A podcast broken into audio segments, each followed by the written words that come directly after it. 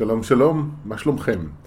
אה, אחרי הפסקה של שבוע אני חוזר לפודקאסט עם פרק חדש והפעם אני רוצה לדבר על האפשרות שלנו להתפתח מתוך שמחה ולא מתוך כאב שזו אפשרות שמציעים אותה הרבה בשנים האחרונות בעולם הרוח יש כל מיני אה, שיטות ומטפלים ומורים וגם תקשורים אולי שמדברים על זה שאנחנו לא חייבים יותר להתפתח מתוך כאב ואפשר לבוא להתפתח מתוך שמחה. ואני רוצה לתת את נקודת מבט שלי, את נקודת המבט שלי לגבי הנושא הזה, קצת להסביר איך אני רואה את הדברים, אולי גם ללמוד תוך כדי איך אני רואה את הדברים, כי אין לי איזה מחשבה מגובשת שאפשר לתאר במשך 30 דקות. אז כמו תמיד אני מתחיל לדבר ונראה לאן זה לוקח, מה עולה לי. אז אני, חושב, אני חושב שאני רוצה בתור התחלה אה, לעשות איזושהי הבדלה בין כאב לבין קורבנות וסבל. והסיבה שאני רוצה לעשות את ההבדלה הזו היא משום שאני חושב שהרבה פעמים כשאנשים מדברים על כאב, אני מדבר על כאב רגשי כמובן, כן, לא כאב פיזי, הם לא מדברים על כאב. הם מדברים על קורבנות ומדברים על סבל. ואני רוצה קצת לתאר את ההבדלים בין המצבים האלה, שוב, מנקודת המבט שלי, מההבנה שלי. אה, אז בואו נתחיל ונגיד שקורבנות היא מצב שבבסיס שלו יש כאב. אוקיי? גם בבסיס של סבל יש כאב. רק שיש בין זה עוד משהו חוץ מכאב. מה שמבדיל את זה בסופו של דבר, ולכן אני קורא לזה קורבנות ולא כאב. אבל צריך להבין את זה כדי ללמוד לזהות בתוכנו מה באמת עובר עליי, מה באמת אני מרגיש. אז אה, קורבנות זה מצב שבו יש לי טענה. יש לי טענה כלפי עצמי, יש לי טענה כלפי החיים שלי, כלפי אנשים מסוימים בחיים שלי, כלפי אלוהים, כלפי היקום, לא משנה כלפי מה, אבל יש לי טענה. לא רק כואב לי, אלא גם יש לי טענות. אמ, והטענות האלה באות עם אה, עשית לי, עשו לי, אמ, שוב פעם זה קורה לי, אמ, אני לא מאמין שזה חוזר על עצמו, מתי זה כבר ייגמר, אה, וכן הלאה וכן הלאה. יש טענות כאלה, כן? טענות של קורבנות.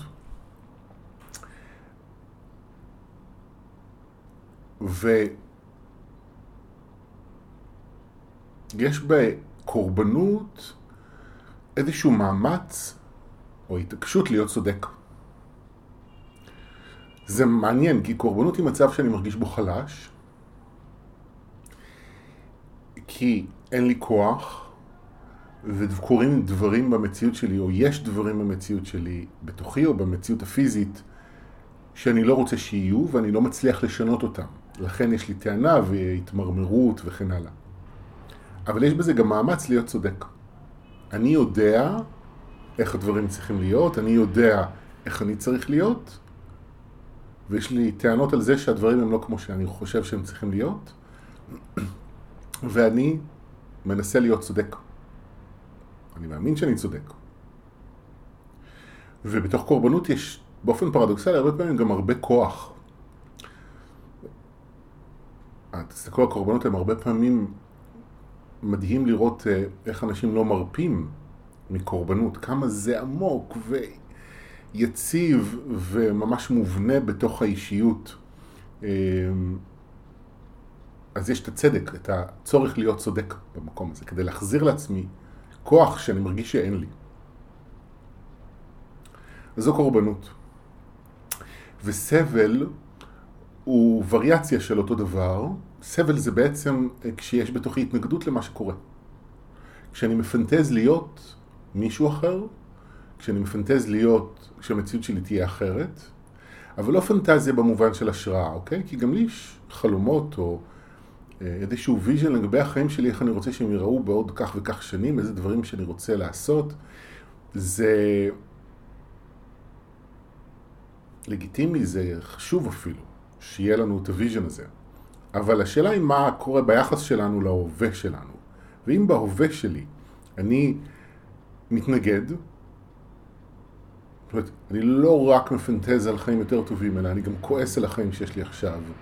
ואני לא מוכן לקבל את זה, ויש לי טענות או ביקורת או אשמה, התוצאה של זה היא סבל. אמ, וגם אם הפנטזיה היא, אמ, נגיד, בריאה, אוקיי? זאת אומרת, נגיד אני עובר איזושהי תקופה ואני חולה, ואני מאוד רוצה לצאת מזה. ואני לא רוצה שיכאב לי יותר בגוף, אוקיי? זה בקשה לגיטימית. וזה גם, בהרבה מקרים גם בסופו של דבר קורה. יש מקרים מצערים שכמובן שלא, אבל ברוב המקרים זה בדרך כלל גם מה שיקרה בשלב מסוים, בדרך כזו או אחרת. אבל כשאני בתוך זה, אני יכול או להתמסר למה שקורה ולהבין, אוקיי, יש עכשיו תקופה שאני הולך לעבור בדברים, ולהרשות לעצמי לעבור את הרגשות שאני עובר בתוך זה, ו... או שאני מתנגד כל הזמן. ואני כועס כל הזמן על מה שקורה, ואני רוצה להיות במקום אחר, ואז אני ממש סובל. עכשיו, שלא תבינו אותי לא נכון, זה בסדר בחיים להתקרבן לפעמים, בוודאי אם קורים לי דברים מאוד קשים, זכותנו להתמרמר ולבוא בטענות לפעמים, זה גם דרך לבטא רגשות, וזה גם באמת זכותנו, כי החיים הרבה פעמים מאוד קשים. ואני לא צריך להיות כל הזמן באור ואהבה. זה בסדר אם אני מתקרבן ואם אני בא בטענות ואני מתנגד ובא להיות במקום אחר, fair enough. אבל זה חשוב uh, uh, לאפשר מקום לרגשות האלה או למצבים האלה, ולא להפוך אותם לדרך חיים. זאת אומרת, לא להיות כל הזמן קורבן, כל הזמן בהתנגדות למה שקורה, אלא אוקיי, לתת לזה לבוא וללכת, אבל לא, לא להיאחז בזה עד כמה שאפשר. אבל כל המצבים האלה, גם הסבל, גם הקורבנות, הם, יש בתוך זה גרעין של כאב, אבל זה לא כאב. והרבה פעמים כשאני שומע אנשים שמדברים על זה שכואב להם, הם, הם לא באמת בכאב, הם בקורבנות בדרך כלל.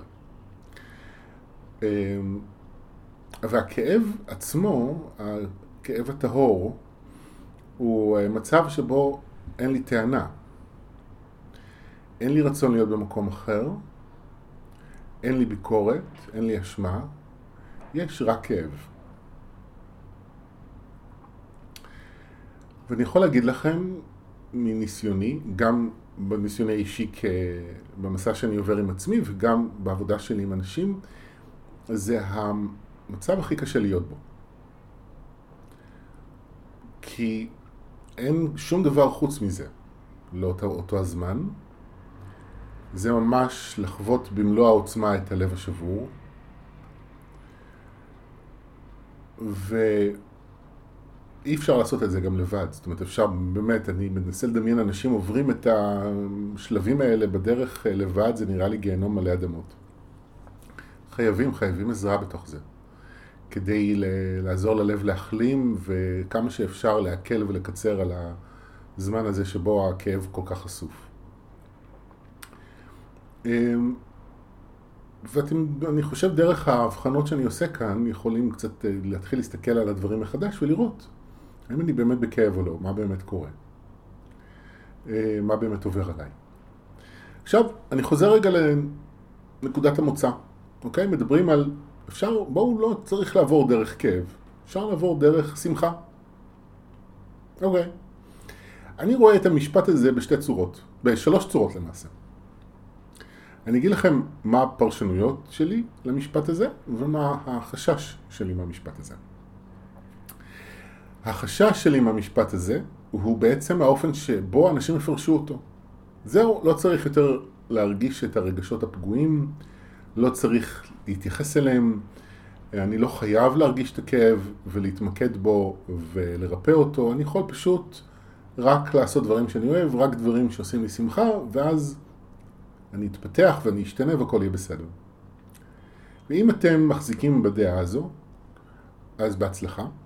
אני חושב, אישית, אני יודע שאתם לא שואלים אותי, אבל מאחר ואתם מקשיבים לפודקאסט שלי, אז אני מתייחס לזה כאילו אתם כן שואלים אותי, ובכל מקרה, אני אגיד שאתם עושים לעצמכם נזק בעיניי. כי זה בעצם הופך להיות סוג של הכחשה חדשה. דרך חדשה ויותר מתוחכמת, להכחיש רגשות כואבים, אה, ואתם יוצרים איזשהו, אה, מדלגים מעל חלק בכם. וזה מסוכן בעיניי. זה מסוכן כי אתם יוצרים מרחק שהולך וגדל ביניכם לבין עצמכם, ובמרחק הזה אפשר ליפול, בפער הזה, בין מה שקיים בתוככם לבין מי שאתם מנסים להיות, אתם יכולים ליפול. ונפילה יכולה להיות כואבת וקשה, יכולה להתבטא בהמון המון בעיות, זאת אומרת לא בהכרח בבת אחת המון בעיות, אבל הנפילה יכולה להתבטא בבעיות בהרבה הרבה תחומים. זה יכול להתבטא גם בגוף, גם בכסף, גם במערכות יחסים, בכל תחומי החיים בעצם. כי כשנופלים פנימה ונופלים פנימה, נופלים לתוך קרקע המציאות כפי שהיא, זה יכול להיות מאוד מאוד כואב. וזה ממש יכול לפגוע בדברים. ואנחנו חיים בעידן שבו אין לנו ברירה, אנחנו לא יכולים לדלג יותר. אנחנו לא יכולים לבנות ארון חדש ולהכניס פנימה את המקומות הפגועים שלנו ולהעמיד פנים שבעצם זה ריפוי. זה לא עובד. כשאני מחביא משהו, הוא לא נעלם, הוא לא משתנה, להפך הוא גדל. הוא יום אחד יבוא ויתבע מחדש תשומת לב, וכשהמקום הכואב הזה בתוככם, שאתם מתעלמים ממנו, יום אחד יתבע מכם מחדש תשומת לב, זה יכול להיות נוראי. ומהמקום הזה אני אומר, אל תעשו את זה. יש לכם מקומות פגועים. כל דרך רוחנית אמיתית, בשלב כזה או אחר, בצורה כזו או אחרת, תפגיש אתכם עם זה. אני לא יכול לפתוח את הלב בלי לפגוש את הלב השבור. זה לא עובד. זה חלק מאותה, אותו מכלול, מאותה הוויה שהיא אני. ובין אם אתם פוגשים את זה ישירות, כמו שאני עושה בדרך שלי, או בדרכים אחרות שאולי בכל מיני טכניקות אחרות, זה לא משנה. כל עוד אתם פוגשים ומקדישים זמן לריפוי של המקומות האלה, אתם עושים לעצמכם אה, מתנה מאוד גדולה. אבל אם אתם משתמשים במשפט הזה, אפשר להתפתח מתוך שמחה ולא מתוך כאב, אז שוב, אתם עושים נזק. אז זה הפחד שלי. כשאני שומע אנשים מדברים על זה, אני הרי לא באמת יודע מה, מה אנשים עושים עם זה, אבל לפעמים נדמה לי שזה מה שאני שומע, ולכן אני אומר את זה. אבל יהיה לי שתי פרשנויות לגבי מה עושים עם זה. שאולי זאת גם הייתה כוונת המשורר, אני לא יודע. אני גם לא יודע מאיפה התפיסה הזו הגיעה במקור. אבל אני חושב שהדבר הראשון הוא שאפשר להתפתח מתוך קבלה של הדברים ולא מתוך קורבנות. Okay? אוקיי? במקום כאב אני אגיד קורבנות ובמקום שמחה אני אגיד קבלה. אני למשל, שאני מגיע למצב שבו הלב שלי כואב, זה קורה בתהליכי ריפוי שאני עובר, בין אם מתוך נסיבות חיצוניות ובין אם מעצם הכניסה פנימה, אני מגיע למקומות כואבים שנפתחים ונחשפים. וכשהלב שלי כואב, ואני מרגיש את זה בדרך כלל בצ'קרת הלב, זה לא בלב הפיזי,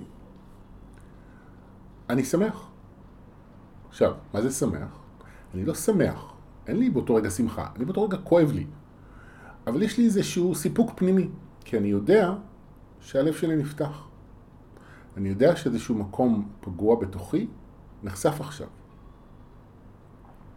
והחשיפה היא ריפוי, החשיפה היא שינוי. עכשיו אני גם עוזר לעצמי, כי אם אני, אם קשה לי מאוד, ונגיד הכאב הוא מאוד חזק, אז אני הולך לעוד טיפול, אני מטופל קבוע, ואז אני מוסיף עוד טיפול. ואם אתם לא מטופלים בדרך כלל, ואתם עוברים תקופה כזו, לכו לטיפול. זאת אומרת, תעזרו לעצמכם כדי להקל על עצמכם בדרך. אה, אבל לי סיפוק. ומה ש... אני לא יכול להגיד שאין לי בכלל, אבל יש לי פחות, זו קורבנות, זה סבל. ואני חושב שהרבה פעמים כשאומרים אפשר להתפתח מתוך שמחה, לא מתוך כאב, זה אומר אפשר להתפתח מתוך קבלה, לא מתוך התנגדות. מתוך הסכמה, לא מתוך קורבנות. ואז אין סבל. יש חוויה אחרת לגמרי.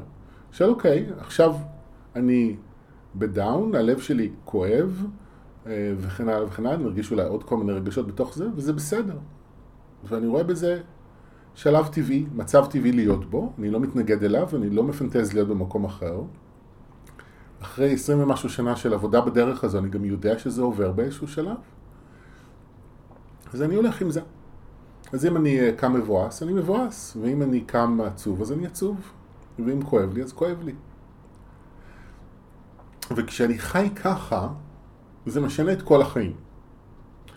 זה באמת שינוי, לחיות מתוך הסכמה והתמסרות, במקום, מתוך אה, התנגדות וקורבנות, זה שינוי של כל כך הרבה דברים.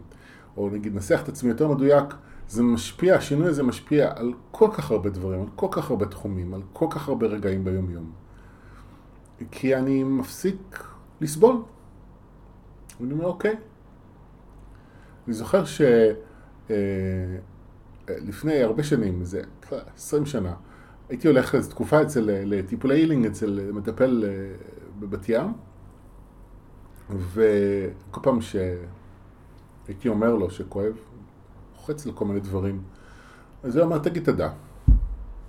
איש רוסי הוא היה, הוא עדיין, אה, והתגיד תודה שלו, זה היה מצחיק, כי אני גם הבנתי למה הוא מתכוון, וזה היה מצחיק כי אף אחד לא מדבר ככה.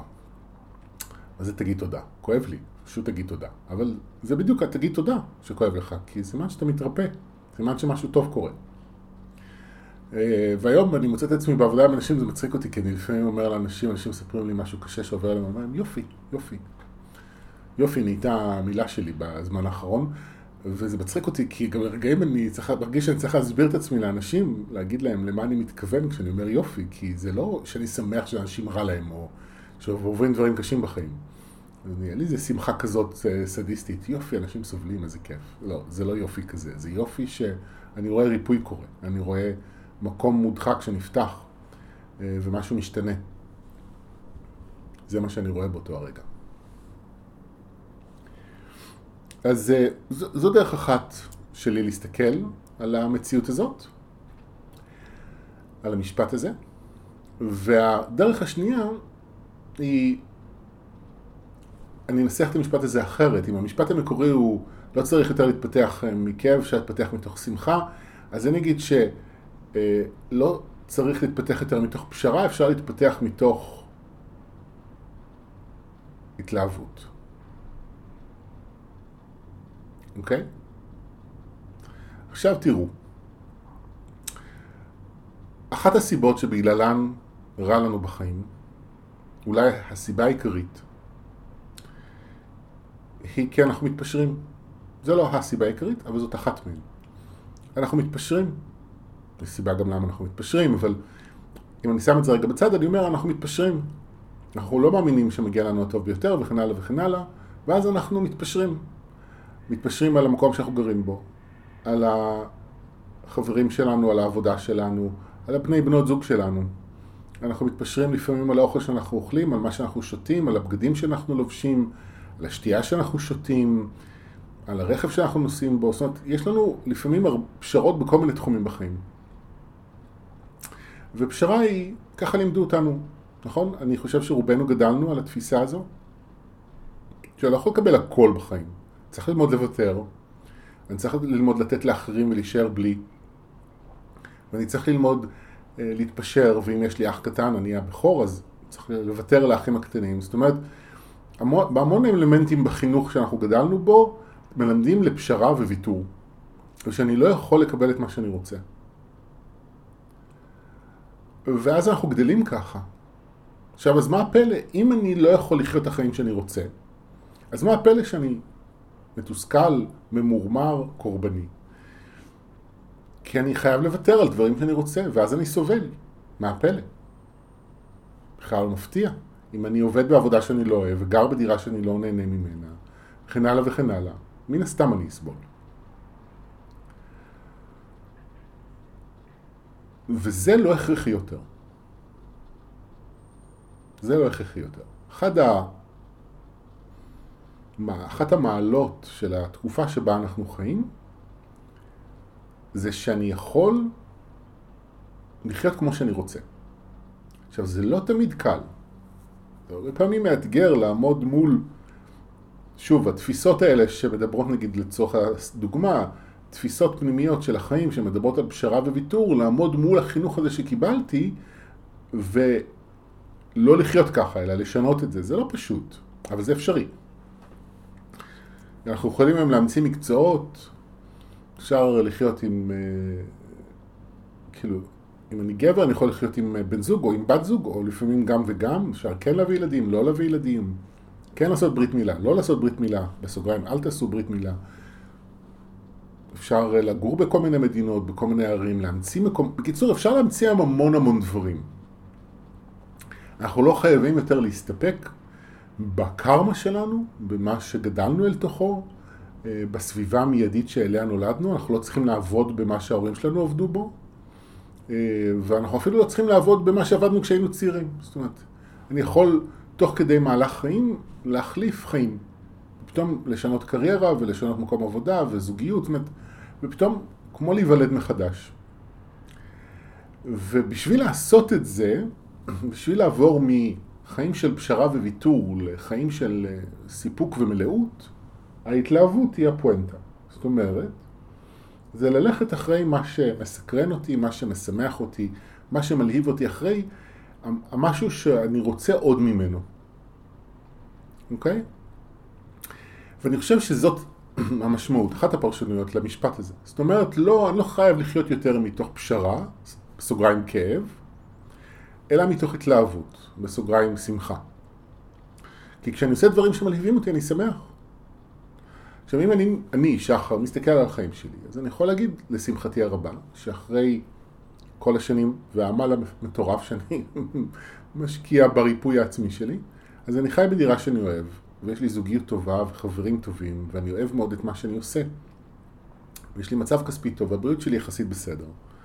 אה, ויש קשיים ואתגרים רגשיים, פיזיים, לא הכל הולך חלק כל הזמן, אבל במכלול של החיים שלי יצרתי חיים טובים. אני זוכר שכשהייתי צעיר, זאת אומרת, בצבא או מיד אחרי הצבא, וכמובן שעמד על הפרק לעזוב את הבית של ההורים, ואז רציתי לעבור לתל אביב, מה שעשיתי. וזה היה נראה לי מוזר, כל הקונספט, שאני אעזוב את הבית של ההורים, אני אשכור דירה, אמצע עבודה, וכל היום, או רוב היום, אהיה מחוץ לדירה, כדי שיהיה לי כסף לשלם שכר דירה. אבל אני לא נמצא בדירה כדי ליהנות ממנה. ולא הבנתי את ההיגיון שבזה. אז פשוט, אני חושב שמהרגע שאספתי בית של ההורים שלי הייתי שכיר בערך שנה וחצי, ומאז אני עצמאי ועובד מהבית. ואני עובד מהבית כבר איזה 20 שנה וזה בול מתאים לי, כי אני ככה נהנה מהדירה שלי בעודי אה, עובד בשביל לממן אותה. אז אני הולך אני חי חיים כאלה, שאין בהם פשרה בעצם, אם אני חושב על זה. אולי יש במקומות קטנים, אני צריך לחשוב על זה, אבל אין איזה פשרה דומיננטית ומשמעותית. וזה באמת משנה את החוויה. אז זה לא שאני כל הזמן הולך עם שמחה או התלהבות, אבל יש מלאות, יש איזה סיפוק של מלאות של וואלה, טוב לי בחיים שלי. עכשיו, איך יוצרים את זה? אז יש לזה, obviously זה מורכב גם כי זה אינדיבידואלי, אז יש תשובות שונות לאנשים שונים, זה תלוי בסיפור האישי של כל אחד, אבל בגדול אני אגיד שצריך לבדוק אמונות ותפיסות לגבי פשרה וויתור. האם זה קיים בתוך האדם, וזה בדרך כלל כן, ובאיזה הקשר זה בא לידי ביטוי. אה, וזה חלק מהעבודה הפנימית הרגשית צריכה להיות בריפוי של האמונות האלה והתפיסות הללו. אה, ואמונות ותפיסות, אתם יודעים, הם, הסיבה שהם הם, הם נוכחים בתודעה שלנו, ומה שמחזיק אותם בתוך התודעה שלנו זה רגשות, זה הדבק, שמחזיק תפיסה מסוימת. שמעתי משהו, חוויתי משהו פעם אחר פעם, זה, יצר, זה נטמע בתוכי בעזרת כאב ופחד, וככה אני תופס את החיים. אז העבודה הרגשית היא בעצם למוסס את הכאב, את הפחד, וכשהרגשות האלה מתמוססים, אז התפיסה משתנה, האמונה משתנה, ויש מקום לראות דברים אחרת. אז זה דבר אחד. והדבר השני, שהוא משמעותי לא פחות בעיניי, זה לחזור ולראות מה אני אוהב. זה לחזור בקטן לאט לאט ולראות מה מלהיב אותי בחיים, מה משמח אותי. וזה, אפשר להתחיל את זה, ואפילו כדאי להתחיל את זה בדברים קטנים. להתחיל לבדוק מחדש את, מה, את כל ההרגלים שלי, מה אני לובש, מה אני שותה, מה אני אוכל, איך אני ישן, על מה אני ישן, ומתוך זה אה, להרחיב את זה לאט לאט לעוד ועוד תחומים ולראות האם אני באמת היום, היום בנקודה שבה אני נמצא היום, האם אני באמת טוב לי, האם אני באמת מסופק ונהנה. או שאני יכול לגדול, שאני יכול להשתנות, שיש פה איזשהו צורך או רצון שעדיין לא קיבלו מענה. ואז כדאי ליצור שינויים. ו, וללמוד בתוך היום-יום, לראות מה מסקרן אותי, מה בא לי, מה מלהיב אותי. אני מדבר על תנועה בהקשר הזה, אני מדבר על איזשהו משהו בפנים שמושך אותי ללכת בכיוון מסוים. עכשיו, אני נגיד, המחקר שלי סביב התנועה הפנימית הזאת התחיל בגיל ההתבגרות, כי אני גיי, והתנועה הפנימית שלי הייתה לבנים, לא לבנות. והמון התעסקתי בזה, כי היה לי מאוד קשה עם זה, ופחדתי שההורים שלי יזרקו אותי מהבית ואף אחד לא ידבר איתי, וכן הלאה וכן הלאה. ו, וכל הזמן בדקתי וניסיתי לראות, אולי אני מצליח בכל זאת אה, להימשך לבנות, ואז אולי אני אהיה לפחות דו-מיני, ולא יזרקו אותי מהבית, וכן הלאה וכן הלאה. זה לא עבד. לא הצלחתי להתניע את האש הפנימית שלי בכיוון הזה, אבל כן הייתה תנועה מאוד ברורה בכיוון המסוים הזה. ומאותו מקום, נגיד בשנים האחרונות, שאני ושי, הבן זוג שלי, מתעסקנו הרבה אם אנחנו רוצים להביא ילדים או לא, אז אני במסע שלי עם הנושא הזה, מחפש כל הזמן את התנועה. האם יש בתוכי את אותה תנועה של אני רוצה גם, אני רוצה עוד מזה, אני רוצה את זה. לא בהכרח אחרי כל תנועה כזאת אני רוצה ללכת, לא כל פעם שאני מרגיש את זה זה משהו שבאמת אני רוצה לממש אותו, אבל בכמעט רוב המקרים התשובה היא שכן, זה בסופו של דבר מה שאני ארצה לממש, כי זה משהו שהוא בא מהליבה של מי שאני. אז נגיד סביב ילדים, אין לי את הרצון הזה, אין לי את התנועה הזו. אני זוכר שפעם אמרתי לעצמי, אוקיי, בוא נדמיין עתיד שבו אני הופך להיות האבא, או עתיד שבו אני מטייל בעולם ובארץ ומעביר סדנאות ומפגשי תקשור, והתחושה בפנים הייתה מאוד ברורה. להיות אבא לא בורר אצלי התלהבות, אבל סדנאות בחו"ל, בארץ, כן, כן, את זה אני רוצה עוד. מזה אני רוצה עוד. אז זו התנועה שאני תמיד מחפש בפנים.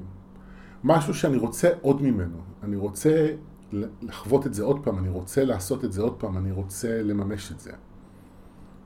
וזה התרגום שלי, כן, אני חושב שאצל כל אחד התנועה הזו של ההתלהבות תבוא לידי ביטוי אולי אחרת, האופן שבו אתם מזהים את זה תהיה שונה, אבל אני מספר לכם עליי כדי לתת איזושהי פרספקטיבה, שתוכלו דרך זה קצת אה, להבין על מה אני מדבר, ואולי גם דרך זה לעזור לעצמכם להתחבר יותר טוב פנימה, מה אני רוצה עוד ממנו.